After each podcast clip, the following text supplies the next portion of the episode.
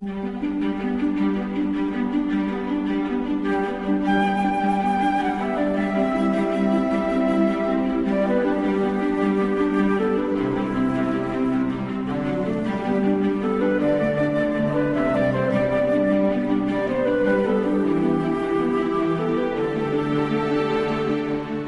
Arribats a aquesta hora del matí, que sabeu que és entre intempestiva i plàcida, intempestiva per tots aquells que en fi, que han allargat la nit per motius diversos i que tot just tornen cap a casa, plàcida per aquells que us estigueu llevant a aquesta hora del matí, penseu, mira, tenim tot el diumenge per davant, és una hora màgica, especial per nosaltres que ens agrada, eh, en fi, gastar desplaçant-nos a un raconet que li tenim molta estima, molt carinyo, que és una carreró empedrat dels pocs que queden al país, en una ciutat que no han volgut revelar mai exactament on es troba del mapa, que no han volgut mai geolocalitzar, al final del qual d'aquest carreró hi ha un edifici sense gaires pretensions de cap tipus, ni arquitectòniques ni artístiques, amb una porta immensa, al darrere de la qual s'hi amaga, això sí, una pila de tresors i de meravelles.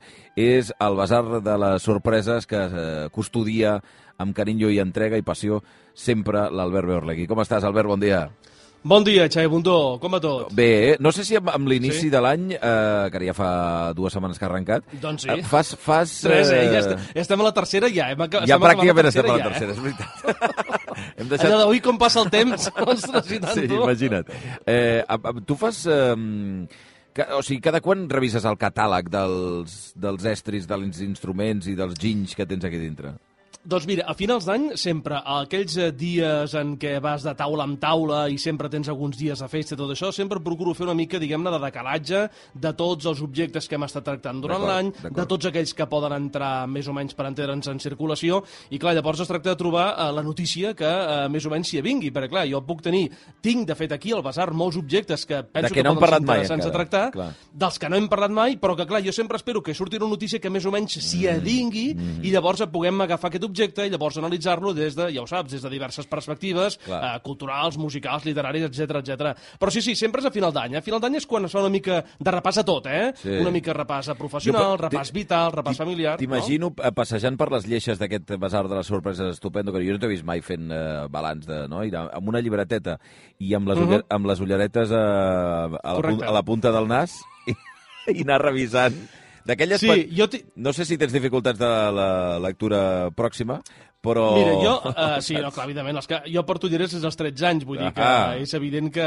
Però sí, sí, a més ho porto amb una doble llibreta, eh? Ahà. Uh, la llibreta, Ara. sí, sí. Jo, jo diguem-ne que no he refusat, malgrat alguna insinuació per part eh, teva de que jo refuso, diguem-ne, les noves tecnologies i sóc més propi del segle XVIII que no pas del XXI. Doncs jo porto... Uh, té uns excels, diguem-ne, molt controlats, amb cada un, diguem-ne, de què és el que tinc a cada lleixa, etc etc. Però uh, també ho porto, diguem-ne, una doble comptabilitat entre cometes. Ai, eh, ai, no en el cuidado, sentit, eh? no, no en el sentit, eh, diguem-ne, fiscal del terme, Sí. sinó en el sentit que ho tinc tot doblat amb una llibreta de paper, perquè m'agrada tenir aquesta doble, diguem aquest doble registre. Eh? Ah, perquè, imagina't que es això fa malbé l'ordinador, Sí, ara. sí, tot això als ordinadors ho tinc amb servidors i amb diverses còpies de seguretat i tota la història aquesta, eh? Però escolta, mai se sap què pot Mai, arribar a passar. mai. I el paper, el paper s'aguanta sol, tu, vull dir que és el que diuen, eh? I per tant, eh, aquí sempre es tracta de tenir la doble, diguem-ne, el doble registre de tot plegat. Molt bé, està molt bé. Bé, en tot cas, amb la tranquil·litat que dona el coixí de les cartes que hem anat eh, Sí. rebent des que abans de festes. Et sembla de bé si llegim alguna, no sé si un parell sí, o tres? Sí, eh, uh, mira, podem llegir-ne tres, perquè encara tenim... Tres. Pensa que es va produir una llau de, de correspondència per felicitar El Nadal. eh, el programa, el Basar, a tu i a mi, amb el tema de les festes de Nadal, Sí. i per tant jo diria que hauríem d'anar netejant, hauríem d'anar esbandint una mica Sí. aquesta correspondència, és que una mica és fàcilment també identificable. és una mica Digue'm. també com a les cases que s'està retirant mica en mica Sí, el, la, sí. la decoració nadalenca hi ha gent que la va retirar l'endemà mateix de Reis però hi ha gent que espera una miqueta més allò que en diuen la candelera, etc etc. Sí, bueno, això de la candelera és una mica l'excusa de dir, bueno, escolta, i em fa molta Ja mandra, prou, ara, eh? no? Vull dir, escolta, deixem-ho per al febrer, eh? Me mare, per això, el mateix dia de Reis a la tarda ja Veus? estava desmuntant Veus? eh? Vull dir que, noi... A mi ja, ja ha caigut, eh, també, que ho sàpigues. Ja, ja Ah, ha, sí, estat, ha caigut, ha estat eh? desmuntat, ja, eh? Sí, nosaltres per passos. El tio, veus, encara, encara hi és el tio. Sí. Algun dia d'aquests desapareixerà, Mira. però el tio... Mm, És eh? l'últim eh, remanent, ha quedat el tió. Tens tota la raó, jo el tinc per allà, Sí, sí. eh? Sí, sí. I de tant en tant algun comentari dir, caram, encara no ha marxat el tio? Sí, Vull sí. dir que... I els nens diuen, no, no, encara no ha marxat, encara no ha marxat. I una il·lusió que els hi res, fa que no hagi marxat. Bueno, Sí, va, anem amb les cartes, Va. vinga. Doncs mira, la primera és d'una oient que ens ha escrit en diverses ocasions. Ella és uh, una, oient, una oient que ens escriu des de, des d'Horta, des de Barcelona. És l'Anna Tomàs. És una senyora que té uns problemes, té, té problemes de vista, així ens ho va explicar a la primera carta que ens va escriure, i per tant fa un tipus de, de lletra, diguem-ne, molt gran, perquè mm -hmm. ella, evidentment, s'hi pugui veure. I de dins extraiem de, de la seva carta, que és una felicitació de Nadal, amb una balena a corulla de regals de Nadal i de bombolletes, doncs una felicitació que diu gràcies per tot, bones festes, l'Anna Tomàs Tomàs, 2023. Per tant, doncs, Perfecte. una felicitació de Nadal, diguem-ne, d'aquelles de tota la vida. Hi ha una altra carta que ens arriba amb un sobrevert i que ens remet l'Anna Maria Oliva des de Barcelona, eh, que també intuïm que és una felicitació de Nadal, perquè també, diguem-ne, té, té, un, té un gruix notable, i de dins extraiem, doncs mira, efectivament, una felicitació amb un d'aquells entranyables i magnífics dibuixos d'en Ferrandis, que jo, jo diria que va ser l'il·lustrador oficial, per entendre'ns, de la... ja no només de les festes de Nadal, eh, sinó en general les postals de caire infantil, tendríssim. Jo diria que si un adjectiu que defineix les, eh, la, els dibuixos d'en Joan Ferrandis era precisament la seva tendresa. I aquí veiem doncs, uh, un cotxe dels d'abans uh, uh, que sembla un carter i aquest carter és un nen que saluda amb unes ales d'angelet. Eh? Mm. I de dins uh, podem veure el següent. Salut, pau, amor, treball i alegria és el que desitjo per vosaltres en aquest Nadal i sempre. Les felicitacions d'en Ferrandis no falten mai per mi en el Nadal. Sempre ha estat el, sempre ha estat el millor i en tot reflecteix l'esprit del Nadal amb la seva sensibilitat. Digue'm antiquada, això sí. Una versada pels dos i bones festes per tots els que segueixen aquesta secció que cada cap de setmana. Nadal 2023 i un millor, atenció, aquí hi ha un petit lapsus perquè diu millor 2004 i entenem que serà millor 2024. Eh? Sí, sí, sí, en qualsevol home, cas, l'Anna Maria Oliva des de, des de Barcelona. Va, i la tercera de les eh, cartes que ens arriba és una carta des de Torrelavit, és un oient que ens ha citat en diverses ocasions, no signa, però sabem qui és, és l'Aron de Balaguer, que és un nom, diguem-ne, d'un cert punt aristocràtic, sí. i de dins extraiem, doncs mira, dos fulls, un dels quals eh, diu el següent, a veure, perquè deu haver-hi... Mira, aquí hi ha un poema, i llavors l'altre és la carta. Torlavit, 12 de desembre del 2023, benvingut Xavier Albert. Com que el Nadal s'aproxima i de moment no rebut gaires postals i felicitacions nadalenques, us escric per desitjar-vos un bon Nadal, un bon any 2024 i per fer-vos arribar el poema de Nadal que us he escrit en guany. I a l'altre full podem llegir S'apaga l'any, però l'il·luminen engalanat al basar, rep novament el Nadal. L'àngel de l'amor fanal, mentre les lletres són far, camí d'estels cap al mar, on habiten les ondines, on els nins cullen petxines, on l'hivern és primavera, pels amants que han vist l'era de l'any sota les tranyines. Doncs mira, l'Aaron Balaguer que ens eh, amb una carta de, des de Torre la Vita el 12 de desembre de l'any passat. Fantàstic, doncs eh, mira, ara que estem a 21 de gener, eh, a veure, mm -hmm. estem llegint cartes de fa un mes, tampoc no... Sí, hem tampoc no estan, moments, eh? Hem tingut moments sí, sí, de llegir-los sí. a 3 mesos vista, per, per tant... I a 4 i a 5, Xavi. I a 4 i a 5, sí, sí. efectivament, per tant, tot el carinyo a, a ells. Eh, evidentment podeu seguir enviant cartes, que no ens trobem en la situació de tornar a necessitar una llau de, de missatges eh, i de cartes. Eh, en tot cas, la, la, la correspondència i l'adreça habitual és el Basar de les Sorpreses a l'Avinguda Diagonal 477 a la planta número 15, 0, eh, codi postal 08036 de Barcelona, amb, eh, no sé, ara que estem en inici d'any, amb, en fi, plantejaments vitals d'inici de 2024 i fins i tot, saps que és un exercici que estaria molt bé, veure si algú s'hi atreveix a veure-hi, que és la previsió de, de com creuen que serà l'any 2024. Ah. Perquè això, saps què passarà? Que si hi ha gent que comença a dir jo crec que la meva vida serà així o que el món serà així, Eh, serà molt interessant que d'aquí un parell o tres de mesos, quan eh, probablement tinguem l'ocasió de llegir-los, puguem contrastar la realitat amb el que, amb mm -hmm. el que ens van dir els oients. Per tant, des d'aquí també I... faig aquesta, aquesta, vaja, aquesta recomanació, aquesta petició als, als estimables oients. Doncs a veure si algú que s'anima, clar que sí. Vinga, va, com que no volem perdre bons costums, després de llegir uh -huh. les cartes anem a agafar el Beorlegui Express, que el tinc aquí, darrere el passadís, uh -huh. impecable. Va. A més, hi ha bandereta Correcte. Bandereta, que va, home, però aquesta és... Però no és bandera de país, sí, no? És, vull dir que no m'equivoco, no? No, home, no t'equivoques, no, però clar, com que el nen vol la bandereta, doncs clar, cada setmana d'aquí hem de posar la bandereta, clar, sí, sí, a veure, sí. Aquesta a veure. Eh, no, aquest és fàcil, aquesta és fàcil. Eh, sí. És una bandera que està, perquè ens ho imaginem, eh, dividida en quatre, amb mm -hmm. dues senyeres petites creuades i dues creus vermelles amb fons blanc. Correcte. Això vol dir que és la bandera de Barcelona, de la ciutat de Barcelona, per tant no marxem massa mm -hmm. lluny avui. Efectivament, sí. Avui anem al vell mig de l'Eixample per assistir al trist tancament d'un dels cinemes més emblemàtics de la ciutat oh. i del qual se n'ha parlat molt aquests dies, el Comèdia, que, com ja es va anunciar, va tancar les seves portes, doncs mira, avui fa una setmana, el passat 14 de gener. Um, estàs a punt? Sí, anem-hi, anem-hi. Doncs apa, ja podem marxar.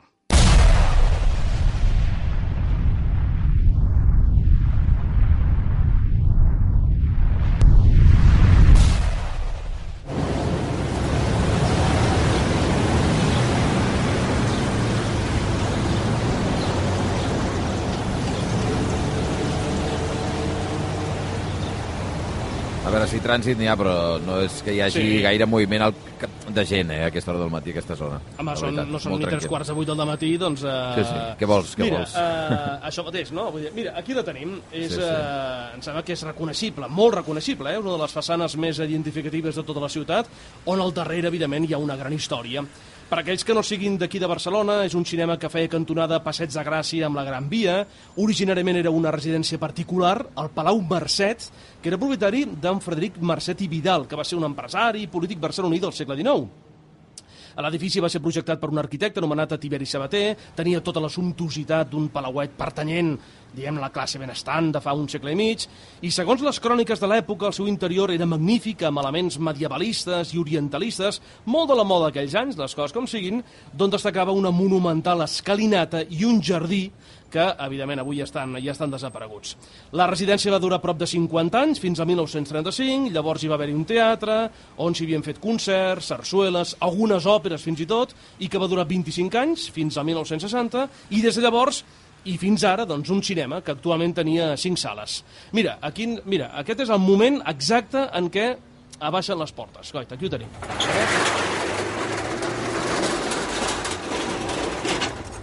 Doncs au, tancat. Sí, sí, sí. sí. No, és anem... trist, això, eh? És tristíssim. N'hem parlat molt perquè és un dels símbols del, del centre de Barcelona. És un espai que tots els cinèfils eh, de la ciutat coneixen molt bé, que que el veus perquè està al centre mateix, en un dels carrers més, més concorreguts de la ciutat, i que vés a saber, és la gran pregunta que es fa tothom, no? Un cop es tanca un cinema, vés a saber què s'hi fa després, no? Uh -huh. A veure, um, ara representa que és un espai protegit, que ha de ser un equipament cultural, però ja saps aquelles idees, diguem-ne, que van la política per al mig, sí. i sobretot ja els diners, ja saps més o menys com acabaran. Jo, jo tinc un gran record d'aquest cinema, que no hi havia anat moltes vegades, perquè jo, anava a ser, jo he anat sempre al cinema a Sabadell, mm. però mira, crec que una de les últimes vegades que vaig anar va ser una reposició amb una única sessió en versió original subtitulada de Lo que el viento se llevó. Anda, fa pocs anys, eh? Carai, carai. I deia, bueno, jo vaig anar al cine dient, bueno, és que serem quatre gats, vull dir, escolta, doncs, escolta, el cine estava patadíssim. Ah, sí? A la sala gran, patadíssim, i el que, el que em va sorprendre més, de gent jove, de gent essencialment jove, Carai. cosa que clar, em va reconciliar amb la condició humana, no? de dir, escolta, no, no, aquestes pel·lículetes de les que sembla que només són patrimoni d'altres generacions i d'altres èpoques, doncs encara criden molt l'expectació. Bé, eh, i sí, tal com deies, ara eh, és un futur incert el que ens espera. El que no és incert serà el contingut del basar d'avui que dedicarem, com a sentit homenatge al comèdia, doncs aquest espai tan magnífic i fascinant. Avui, el número 334, la lletra C. La C de cinema.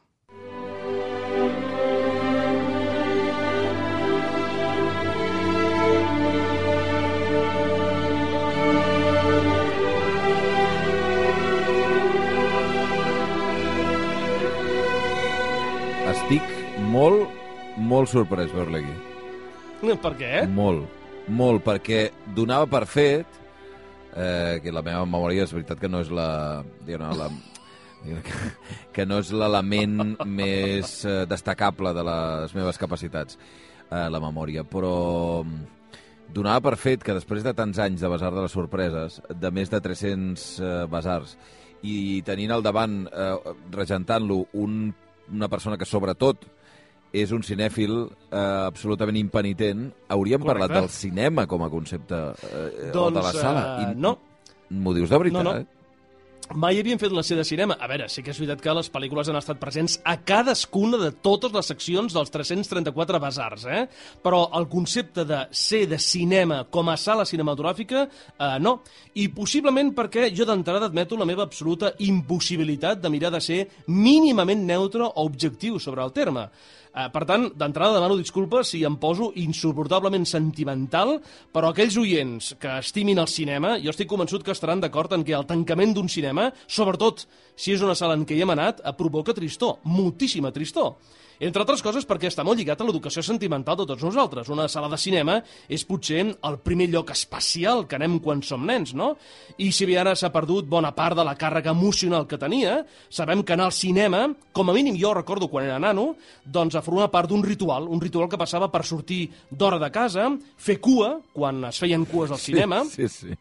Entrar en un lloc a la penombra de catifes toves, de cortines vermelles, de silenci respectuós eh, i un suau olor d'ambientador. Ah, això de les Llavors, cortines... quan- Perdona, perdona, les cortines, Sí. perquè clar, ara jo no recordo, fa molts anys que no ho veig, això, però abans hi havia les cortines tapant la pantalla, I tant, no? I tant, i tant, i tant. Llavors jo perquè ja tinc una edat gairebé provecta, però eh, pensa que quan eh, el, a Sabadell van eh, obrir, van inaugurar els nous cinemes multisales, si t'estic parlant de poder 30 anys, eh, van eliminar les cortines. I vaig escriure una enèrgica carta a l'empresari, al Ramon Cortadelles, al Celsia, amb qui m'unia una gran amistat, després, que deia, ja està bé de no posar cortines. I... Eh, Que. I, uh, i, i em va donar raó, va dir, clar, és que no, i això de les cortines, clar, és que ja està passat de moda. I en els cines, diguem-ne, més, eh, més, de més categoria, n'hi havia dues de cortines. Les cortines, les, les primeres vermelles, que eren avellutades, les gruixudes, i llavors quan s'obrien les vermelles, a darrere hi havia unes altres que eren les blanques.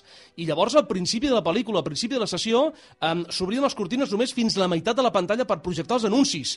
Es tancaven les cortines a cap de 3 minuts Ah, es sí. tornaven a obrir És i veritat, començava la pel·lícula. Era, era, com una mena, era com una mena de cerimònia, de és un veritat, eh? ritual, no, no, completament. I a, la, a mesura que vas perdent determinats rituals, eh, la transcendència de- del que fas eh, perd eh, una mica de- d'energia, perd una mica de, de carinyo, perd una mica de, del, que, del que representa, és així.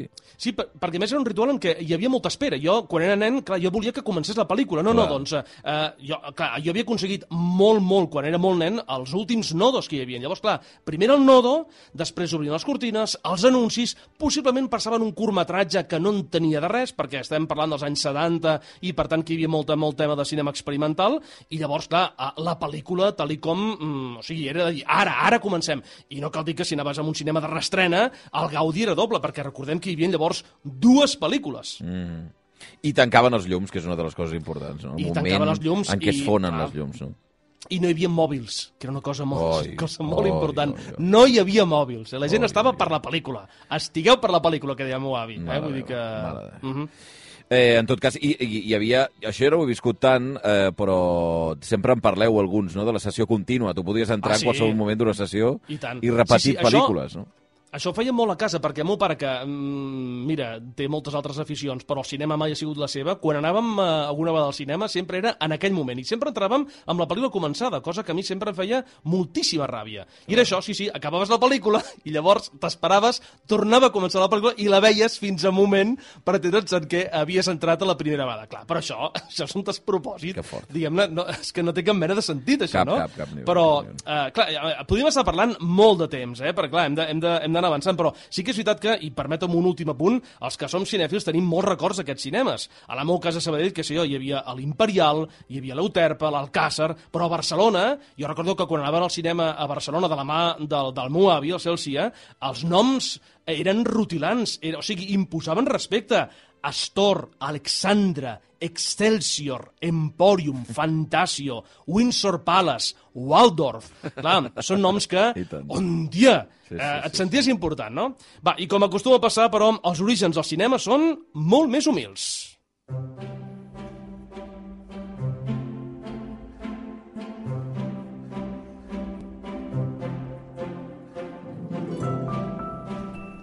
Si hem d'anar al cinema, eh, dels inicis, dels orígens, ens hem d'anar a França i ens n'hem d'anar a finals del segle XIX, clar. Doncs sí, encara que l'invent ja s'havia presentat en privat, diguem, mesos abans, podem dir que tot va començar el 28 de desembre de l'any del senyor de 1895 al Saló Indi del Gran Cafè, que és un soterrani situat al número 14 del Boulevard dels Caputxins, que està situat al 9è districte de París. La primera sessió pública de cinema allí es va fer i els seus precursors van ser dos inventors, dos germans borgonyesos anomenats Louis i Auguste Lumière, que van presentar l'aparell davant de 33 atònits espectadors que van veure 10 pel·lículetes petites que no superaven el minut i on per primer cop es captava la realitat.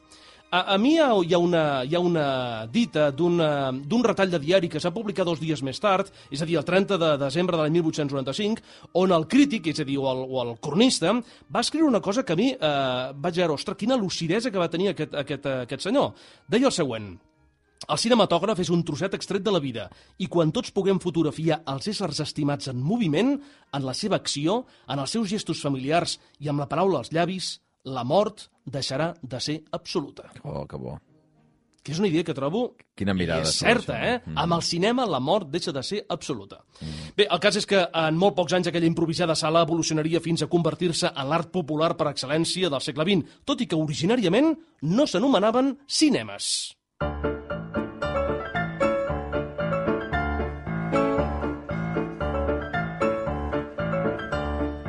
Eh, què vols dir que no es deien cinemes? O sigui, eh, com se'n Bueno, deien? De... Clar, perquè ara en diem anar al cine, que Sí. és l'abreviatura d'anar al cinema, no? I que la seva Sí. vegada és l'abreviatura d'anar al cinematògraf, que és paraula composta, que ve del grec de kinema, que vol dir moviment, i grafein, que vol dir gravat. Traduït literalment, doncs, cinematògraf o anar al cinema vol dir anar a veure moviment escrit, moviment fixat, Que bo. cosa que trobo fascinant. Sí, eh? sí, sí, sí. A Nord-Amèrica, dels primers cinemes en deien Nickelodeons, que és una altra paraula composta que ve del níquel, que és una moneda de molt poc valor i que era el preu de l'entrada, i Odeon, que és una veu grega que vol dir teatre. Amb els anys, i el curiosament a teatre Amèrica... de, de monedeta, de barato. Ah, això mateix, el teatre de, de, de baratet, Mm. eh? perquè hem de tenir en compte que no serà fins ben entrat al segle XX i encara fins i tot hi ha alguna veu que discuteix que el cinema sigui realment un art. Clar. El cinema va néixer com a art popular per excel·lència i llavors no, no va ser fins eh, a partir de la segona meitat de, de, de la segona dècada, és a dir, per tant, eh, quan arriba Griffith, per entendre'ns, a partir de l'any 14 l'any 15, quan la gent diu, calla, això el cinema sí que pot ser una cosa que vagi més enllà del mer espectacle, diguem-ne, familiar, no? I amb els anys, i curiosament, a Amèrica, del cinema se'ls anomena, entre altres noms, movie theater, és a dir, teatre de pel·lícules. Sí, sí, és veritat. Els Nickelodeons, llocs doncs molt senzills i de pas hi treballarien joves immigrants europeus amb molt pocs diners però molta ambició, que en molt pocs anys serien els fundadors dels grans estudis de Hollywood, la Metro Goldwyn Mayer, la Paramount, la Universal, la Fox i la Warner, entre d'altres, que van ser fundats per jueus, europeus i que van anar a la recerca del somni americà amb la mà al davant i la mà al darrere. I tots ells van ser fundats entre l'any 1912 i l'any 1924. I l'etapa més daurada de, de totes és, evidentment, la dels anys 30, just quan neix un costum que encara ara ens acompanya. Les crispetes.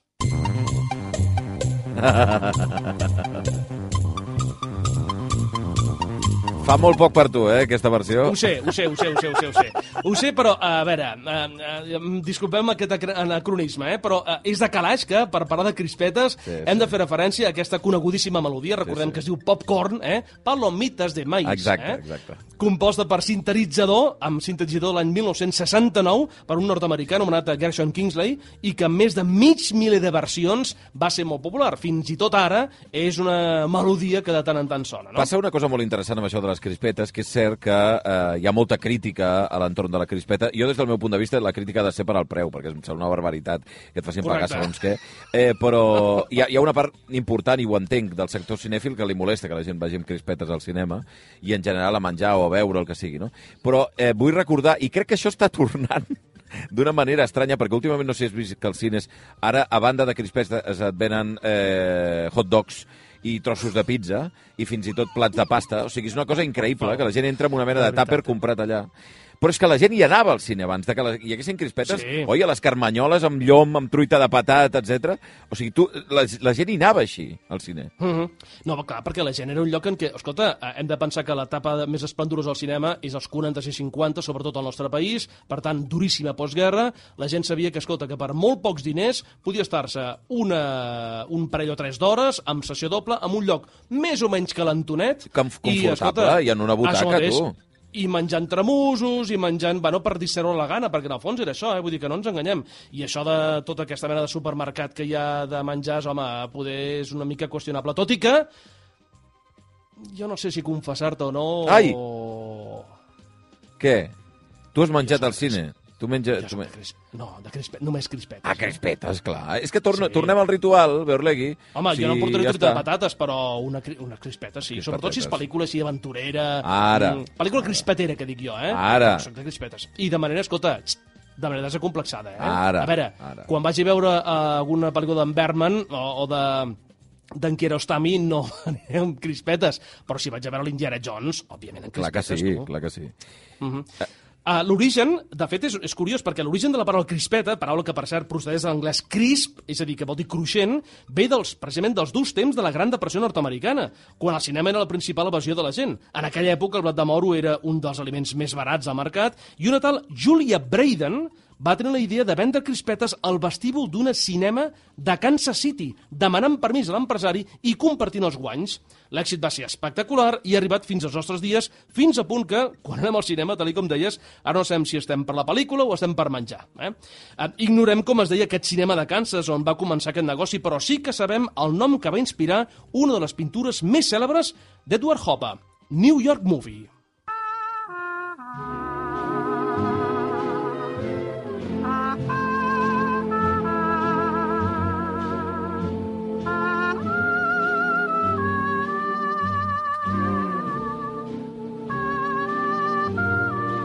Ara mirarem de penjar a Twitter. Eh, jo he de dir que és un dels meus pintors preferits, Hopper, em sembla mi també. meravellós, bé. Mhm. meravellós. A mi també. I aquest Mhm. contacte amb la realitat, amb la, una certa modernitat també, no?, que representa el cinema o que pot representar la imatge d'una benzinera en un moment determinat, Sí. eh, crida, crida molt l'atenció, no?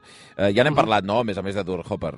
Sí, Edward Hopper va ser un artista que ha retratat l'aïllament físic però també psicològic d'una manera magistral i que és famós doncs, per uns quadres realistes i molt suggerents que reflecteixen la soledat i l'aïllament de la societat, especialment la nord-americana. La seva pintura més famosa és, evidentment, Nighthawks, Noctàmbuls, però avui ens fixarem en Perdona, una que t'he porta de per dir una nom... cosa. Eh, Digue'm. tinc el plaer d'haver pogut veure aquesta pintura en directe, al Nighthawks, a Nova York, i és tan meravellosa. És allà, està al, al MoMA, no? Pot ser? Bueno, en aquell No, moment, no? en aquell, no sé si està al MoMA o la van movent, però en aquell moment havien fet una retrospectiva en un uh, museu molt petitó que hi havia i hi havia totes les pintures, o sigui, les grans Oh. pintures de Hopper. I, I aquesta, que és, és molt gran, a més a més, no és una pintura petitona, un quadre petit, ostres, és un, és un gaudi poder-lo veure a prop. Sí, Boh, sí, sí, sí. Tremenda. Jo a Hopper vaig veure a Nova York, al MoMA, i una, un parell d'altres de pintures. Una, per cert, la que va inspirar Alfred Hitchcock per la casa de psicosis, mm -hmm. uh, que és una pintura, diguem, Sí, magnífica, sí. i, ostres, i és un autor que a mi m'agrada molt, eh? Bàsicament per totes les reflexions que poden haver-hi al darrere, no? Bé, doncs, uh, aquesta pintura que, de la que estem parlant porta per nom New York Movie, és de l'any 1939, i representa un cinema gairebé buit, ocupat amb pocs espectadors que estan veient una pel·lícula, i una acomodadora a la part dreta de la pintura, una acomodadora que està perduda en els seus pensaments i de la qual la parella del pintor, Josephine, li va servir de model. Es pot contemplar, si algú la vol veure, doncs, precisament al Museu d'Art Modern de Nova York. Mm. Bé, doncs, un dels cinemes que va servir d'inspiració a l'artista va ser el Palace Theatre de Nova York, i un altre cinema, però de Barcelona, el Roxy, va ser el tema d'una de les cançons més delicioses de Joan Manuel Serrat. Sepan aquellos que no estén al corriente que el Roxy del que estoy hablando fue cine de restreno preferente que iluminaba la plaza Lesé. Echaban nodo y dos películas de esas que tú detestas y me chiflan a mí, llenas de amores imposibles y pasiones desatadas y violentas.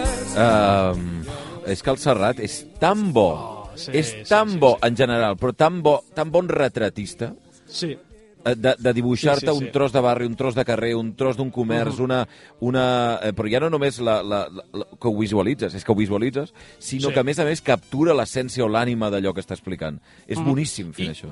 I, I jo no vaig conèixer mai el Roxy, eh? però és un cinema que enyoro. O sigui, per la Clar, cançó clar, d'en Serrat, l'enyoro. Clar, clar, clar, eh? clar.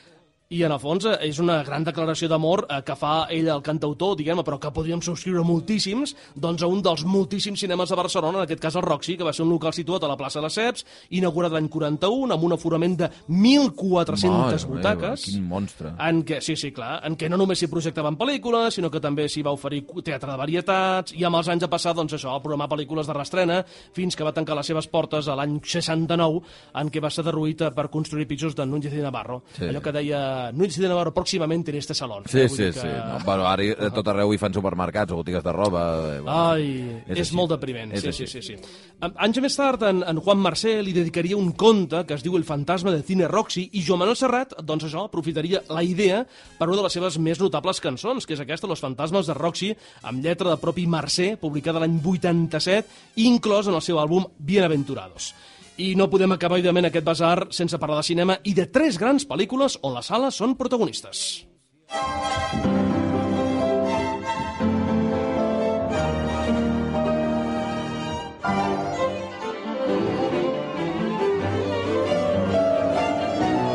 Home, això fa pinta de cinema mut, eh? Sí, eh, començarem per un migmetratge, una de les grans aportacions de Buster Keaton, que recordem és un dels més grans còmics del cinema mut, amb una...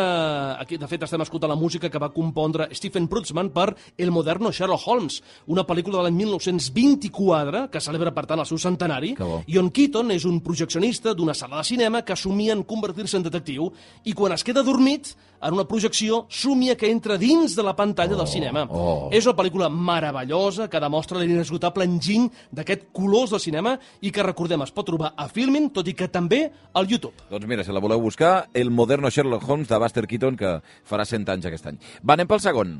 ¿Sabes? Me resulta extraño. Hace 24 horas me encontraba en una tumba egipcia. Entonces no os conocía y sois una gente maravillosa. Ahora estoy aquí a punto de lanzarme a un fin de semana loco en Manhattan. Señorita, veo que le encanta esta película. Home, diria que això és, una, és un Woody Allen dels que t'agraden, eh? dels predilectes. Sí, sí, eh? sí. Bueno, perquè en el fons té aquesta, aquesta declaració d'amor, eh, diguem encantadora, infinita envers el cinema. Eh, recordem, molt inspirada precisament per El moderno Sherlock Holmes, va ser La rosa púrpura del Cairo, que és una de les grans obres mestres de Woody Allen, collita del 85, i on s'explica la història d'una trista cambrera, amb fantàstica Mia Farrow, que té per única evasió al cinema, va veure la mateixa pel·lícula una i una altra vegada, i hi ha un moment en què l'actor principal, en Tom Baxter, encarnat per en Jeff Daniels, surt de la pantalla per conèixer el món real. La pel·lícula es va rodar en un cinema, l'anomenat Ken, on el mateix Woody Allen hi havia anat quan era petit. Però mm, la realitat eh, sempre s'acaba imposant i quan va acabar el rodatge el cinema va ser enderrocat. Per qui vulgui eh, recuperar-la o descobrir-la, la trobarem a Filmin. La rosa púrpura del Cairo a Filmin. Va, i ens en queda una. Espero que no em, eh, ostres, no em decebis, perquè si hem de No. parlar de pel·lícules de cinema que parlen sobre el cinema i sobre sales de cinema, espero que no et deixis la, la transcendent, la important. No et decebré. És aquesta. Cuando las luces del cine se apagan, empieza la magia.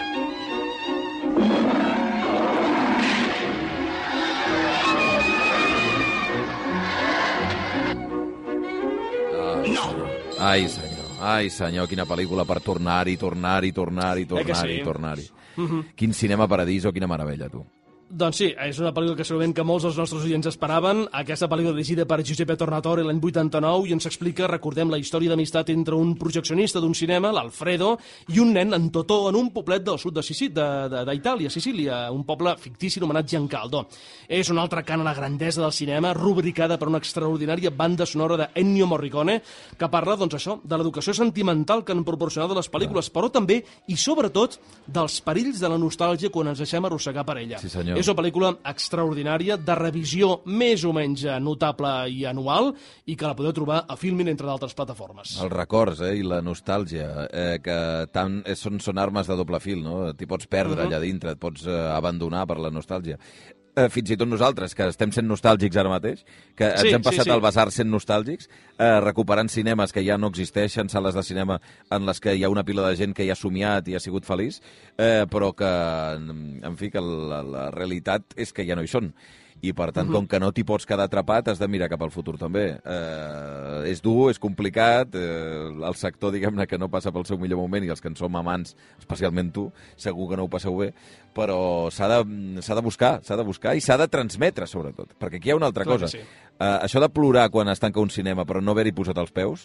Home, això també. eh, clar, és, és això, d'haver-hi posat els peus i d'haver-hi portat els que Sí. el, en el futur... Els que poden agafar el relleu, això Exacte, mateix. els que en el futur hi hauran de seguir anant, no? Eh, L'experiència, jo ho recomano molt perquè qui no tingui fills però tingui cosins o el que sigui petits, l'experiència de dur per primer cop i en diverses ocasions a una criatura al cine, jo crec que quan et fas eh, una mica més gran, no sé si estàs d'acord, Beorlegui, eh, però hi ha, hi ha un punt, en un moment determinat de la vida, que les coses fan més mandra, no? I la uh -huh. idea de deixar anar un... Anem al cine, uf, quina mandra, apareix. Però feu la prova amb els nens. Anem al cine, uf, i de cop, no? eh, jo, jo advoco perquè recuperem aquesta il·lusió, que és la de anem al cine i que t'entri com... Bueno, anem d'excursió, com anem a fer alguna cosa diferent, com Mhm, anem a moure'ns. sí. Eh, vaja, jo, jo ho recomano moltíssim a tothom que ho provi amb les Ah. criatures que tingui al seu entorn. Jo t'haig de dir per això que per anys que tingui, i escolta, Déu me'n doni molts encara, eh, mai he tingut la més mínima mandra d'anar al cinema. Sempre ha sigut festa per mi. Allò que anem al cine, bum! Doncs vinga, Sempre hi he ja apuntat, soc. eh? Sí, sí, sí. Va, som-hi, clar que sí. Beorlegui, una abraçada ben forta i molts anys al cine. Igualment, Xavi, que vagi Adéu-siau. molt bé. Adéu-siau.